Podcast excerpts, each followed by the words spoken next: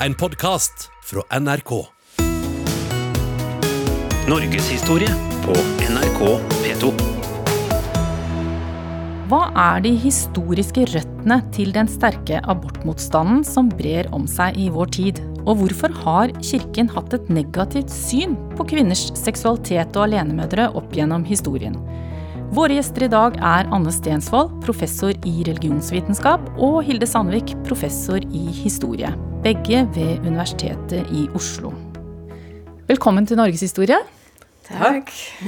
Nå skal ikke denne episoden først og fremst handle om alenemødre i dag, men eh, for å tegne en lang linje her, begynner vi med vår tid, Hilde Sandvik. Da Mette-Marit giftet seg med kronprinsen i Oslo domkirke i 2001, sa Gunnar Stålseth at hun som alenemor hadde vist vei for andre.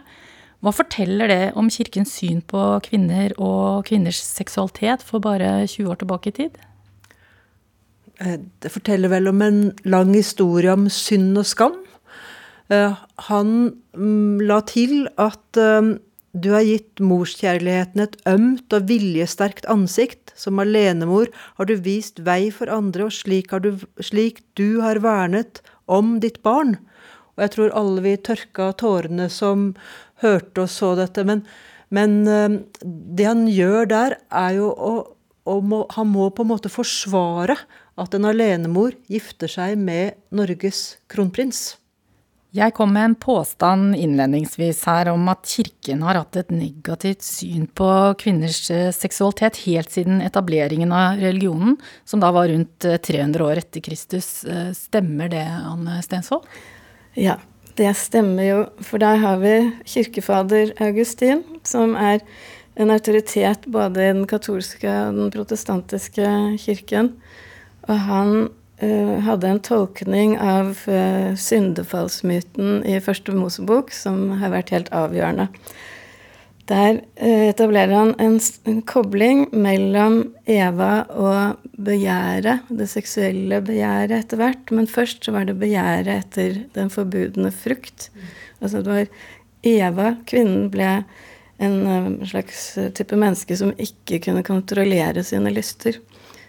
Og når Eva attpåtil da var tiltrekkende for Adam, så ble Eva skyld i, i det meste.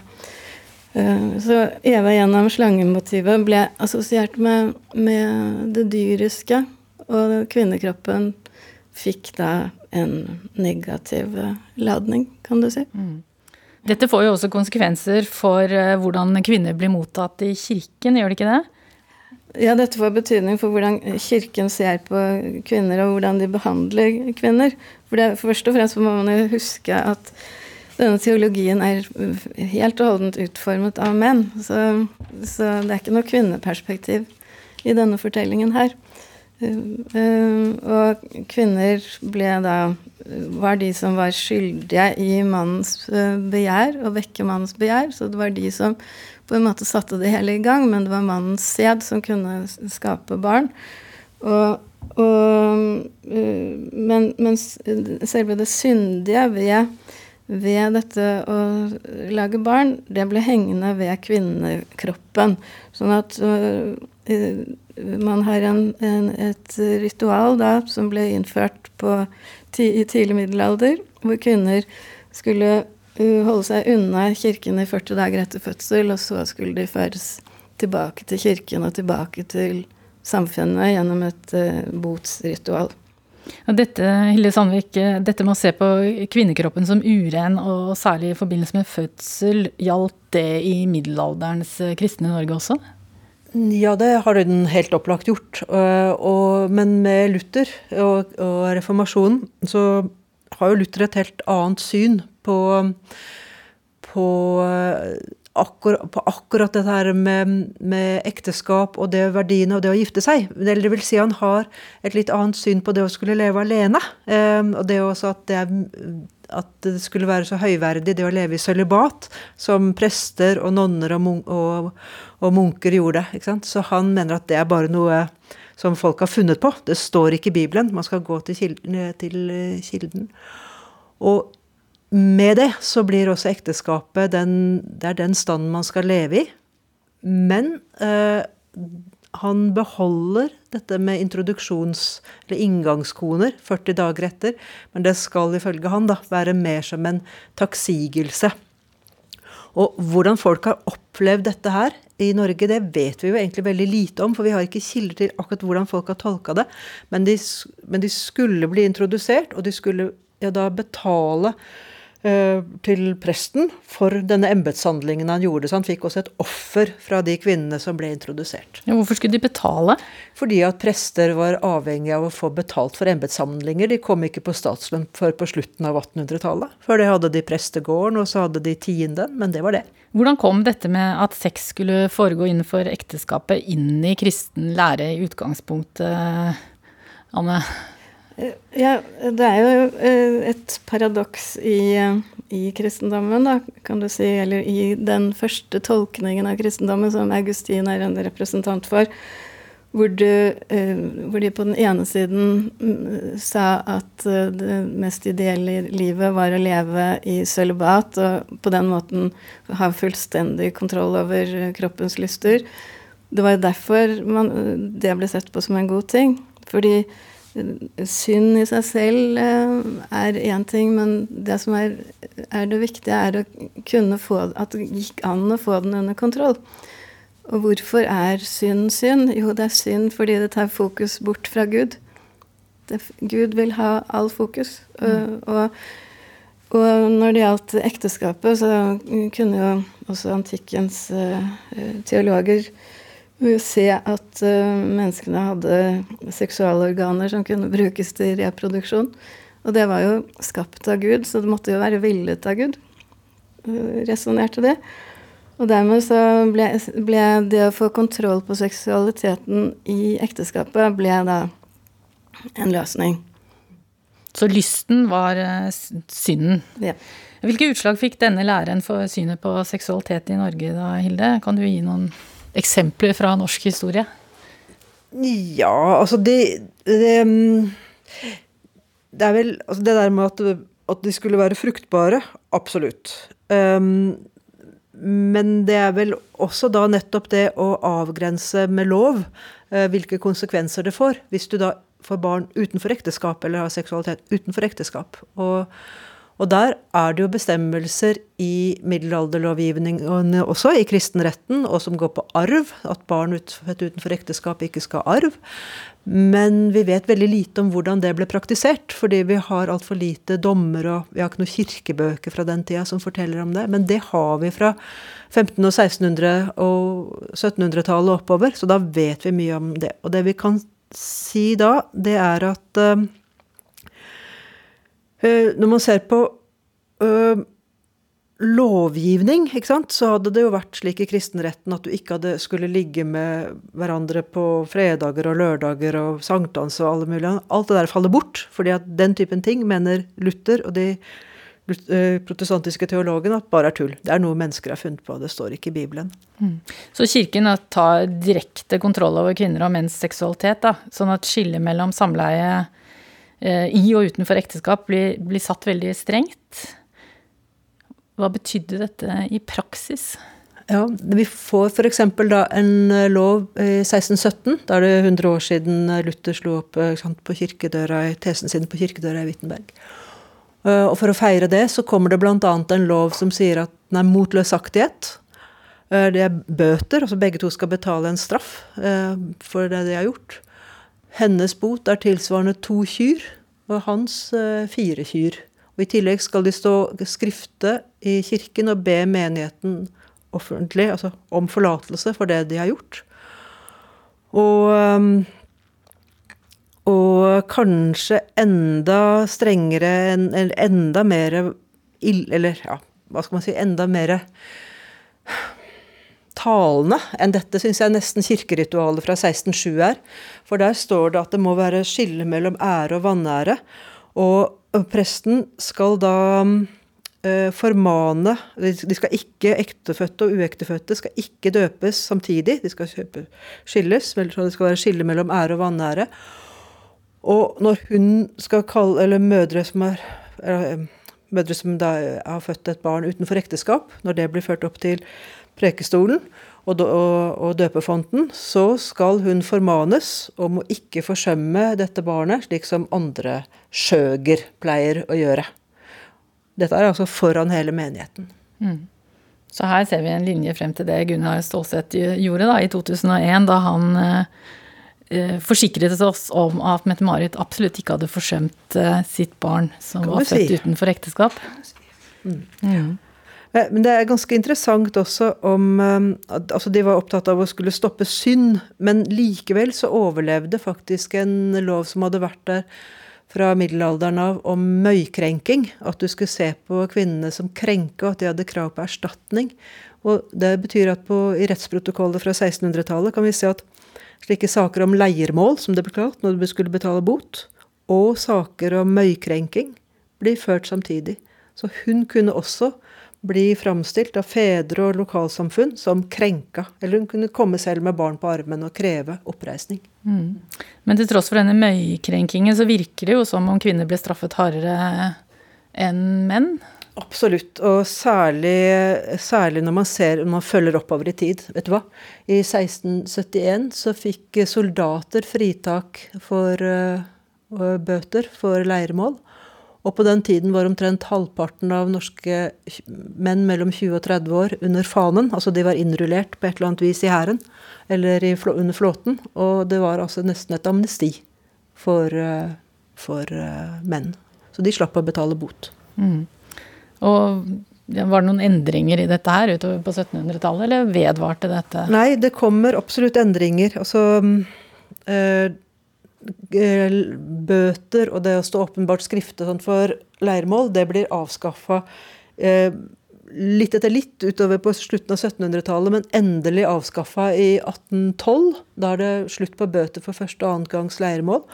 Og kanskje vel så viktig som det er at Struense, altså eh, den gale Kristian 7.s livlege, som blir ja. Han eh, sier at det skal være slutt på dette at man skal gjøre skille på ekte og uektefødte barn ved fødselen. Og det er faktisk den eneste av Struenses forordninger som blir stående etter hans fall.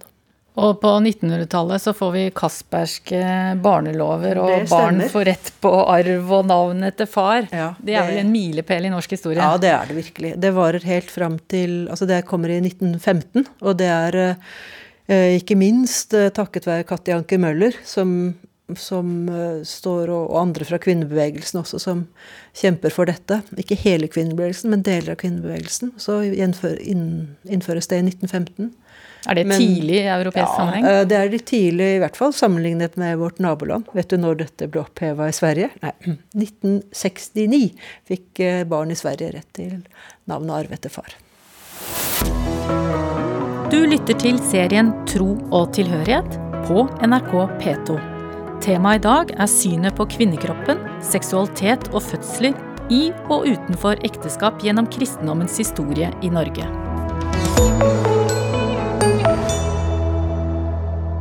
Eh, Sett med likestillingsbriller hadde kvinnene en fordel før reformasjonen, virker det som. Men, men så har skyld og skam blitt påført eh, kvinner igjen. Ja. ehm, ja vi? Det, er, det er både det at de på en måte blir likestilt. Begge to skal betale bøter, begge to skal stå åpenbart skrifte. Og så, så, eh, så er det mennene som blir fritatt hvis de er soldater, for å betale bot. Og så skjønner teologer og, um, og andre at dette går veldig hardt utover kvinner og barn født utenfor ekteskap. Så på slutten av 1700-tallet så kommer det noen endringer som skal beskytte barna. eh, Bl.a. med at fedre skal betale barnebidrag.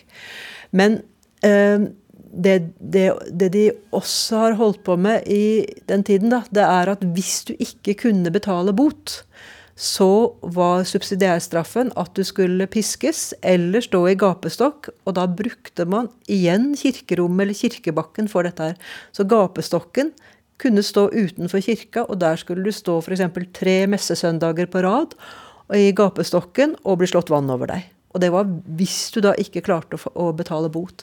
Så det er en sånn veldig sår økonomisk del i dette her. Altså ikke skal barna ha arv. Eh, Du skal betale bot. Det er knapt nok så du har råd til det når du er eh, tjenestejente og ikke har noen ting. Og klarer du ikke det, så er det skamstraff eh, helt inn i elendigheten med, med gapestokk og helle vann over.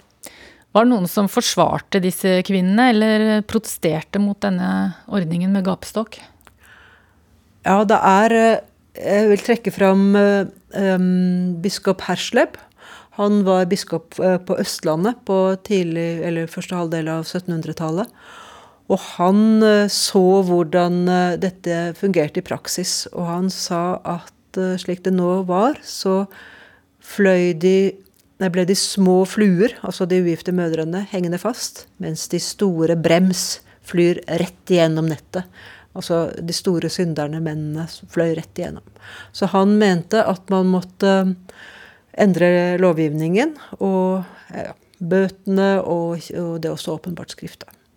Og han ba faktisk prestene om ikke rapportere til fogden at Eh, ektefeller hadde fått barn før det var gått ni måneder etter vielsen.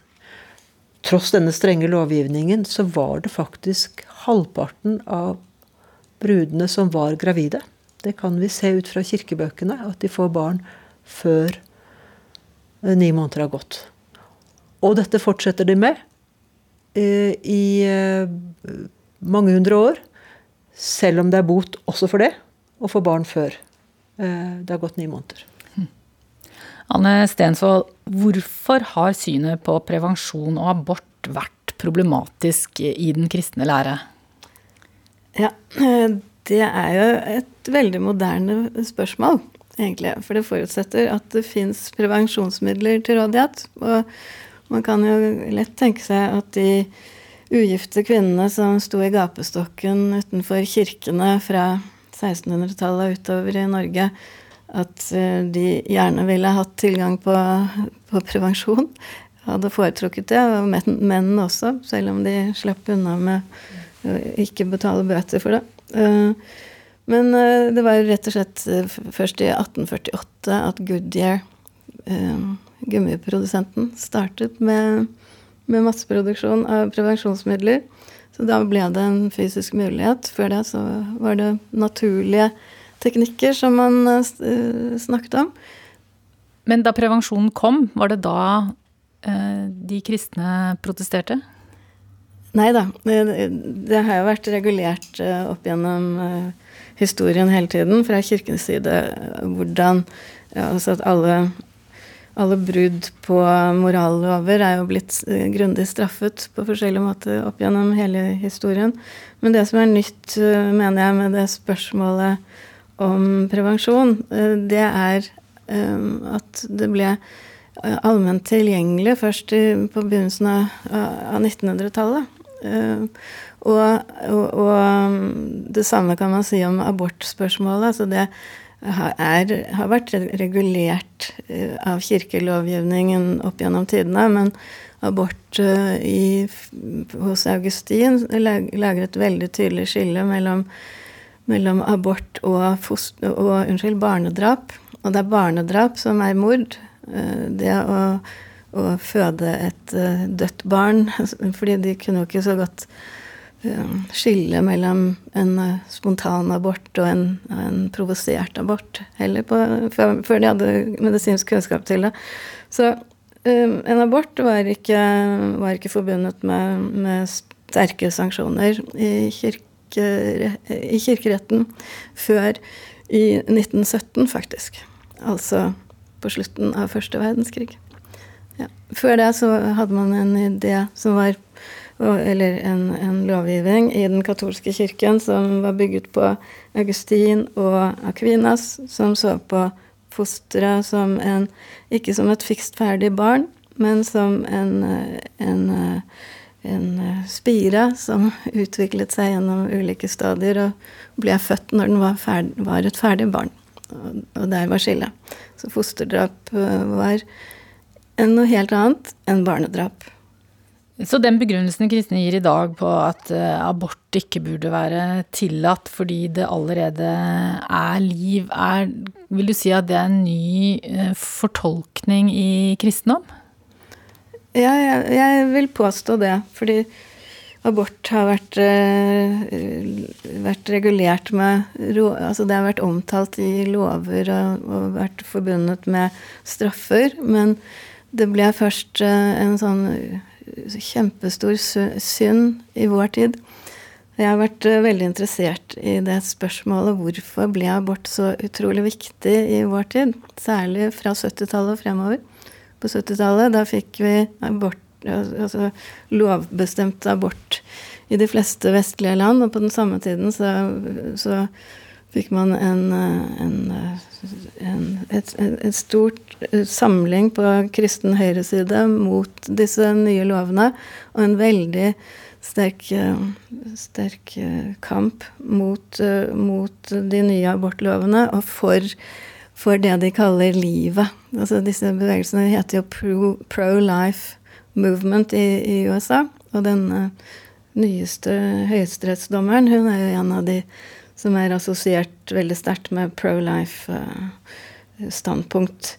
Uh, uh, de, det som har interessert meg med, med, det standpunktet, det er det spørsmålet om hvorfor de virkelig tydeligvis er veldig, veldig opptatt og på, tar det helt på alvor at de må beskytte det fosteret i mors liv mot mors eventuelle ønsker og behov eh, for å ha kontroll over sitt eget liv og sin egen kropp, versus det at vi kan se eh, gjennom fingrene med at barn i, ba i nabolaget blir mishandlet, og, og sultproblematikk og ja, sånn. Altså, det er jo et moralsk dilemma når det gjelder uh, synet på barn og kristen aktivisme, tenker jeg. når du har en enorm fokus på, på det som fins som et potensielt barn i en kvinnekropp, og kan overse behovet til levende barn rundt deg. Det har jeg undret meg på. Og, ja, og, og prøvd å ta alvorlig og se på det med, med det moralske alvoret som jeg tror de har, da. Og da er det dette med at Gud har villet ethvert barn. Så, som er liksom ideen. Så det å, å, å, ta livet av et foster på uansett hvilket, hvilket stadium i utviklingen det er, det er ensbetydende med drap. Og, og de ser på, på stater som tillater den type eh, aktivitet som illegitime stater, rett og slett. For å vende tilbake til dette med seksualitet og barn utenfor ekteskap. Er det noe i den kristne lære som har preget oss, og som har vært med oss frem til vår tid? Ja, det er jo et veldig stort spørsmål. Og i dag så er vi jo først og fremst preget av vitenskapelige, medisinske vitenskapelige tenkemåter omkring kropp. Eh, og da tenker jeg at eh, den kristne måten å se på menneskelig reproduksjon på, kvinnens rolle i det som en sånn uh, rugekasse, og instrument i mannens uh, formeringstjeneste, at det blir videreført i den medisinske måten å se på, på svangerskap og graviditet.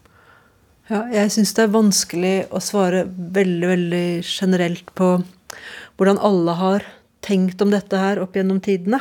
Ehm, men det jeg tror er ehm, Som har hengt med til i dag, det tror jeg er dette med synd og skam. At det fortsatt er så, så sterkt til stede. Mm. Men er det kirkens skyld? Det har en samklang, mener jeg, med også vernet om ekteskapet. Og det syns jeg også er vanskelig å, å, helt forklare hvordan har fungert. Mm. Og som egentlig har å gjøre med en samfunnsinnretning og ikke så mye med ja. religion å gjøre? Det har med at uh, Det har med at man samler ressurser i hushold som skal være leda av ekte, ektepar. Ja, et ektepar. Og det er der på en måte barneavlinga og barneoppdragelsen og barneomsorgen skal foregå. Så de som da ikke er innafor det systemet der, de har falt utenfor. Og skulle man beskytte dem, så ville man jo på en måte undergrave ekteskapet og husholdet som institusjon. Og det var jo veldig viktig i et jordbrukssamfunn. For all del. Eh, så, så, det ligger en eh, Og det er, det er et samfunn med For Norges del, et samfunn med knappe goder og, og slikt. Så da kan du jo si, når denne praksisen med sånn privat ekteskapsinngåelse, kan du si, trolovelse, vedvarte i århundrer og gjaldt halve befolkningen omtrent, at du har et veldig, veldig skille mellom folkelig praksis og myndighetene med både statsmakt og, og kirke uh, på den andre siden. Mm. Og det gikk mest utover de aller svakeste, ja. de ugifte kvinnene i gapestokken. Tusen takk for at dere kom til Norgeshistorie, Hilde Sandvik, professor i historie, og Anne Stensvold, professor i religionsvitenskap, begge ved Universitetet i Oslo. Ansvarlig for denne serien er Ane Bjølgerud Hansen. Teknisk ansvarlig er Dag Bakker. Jeg heter Ellen Katrine Lund.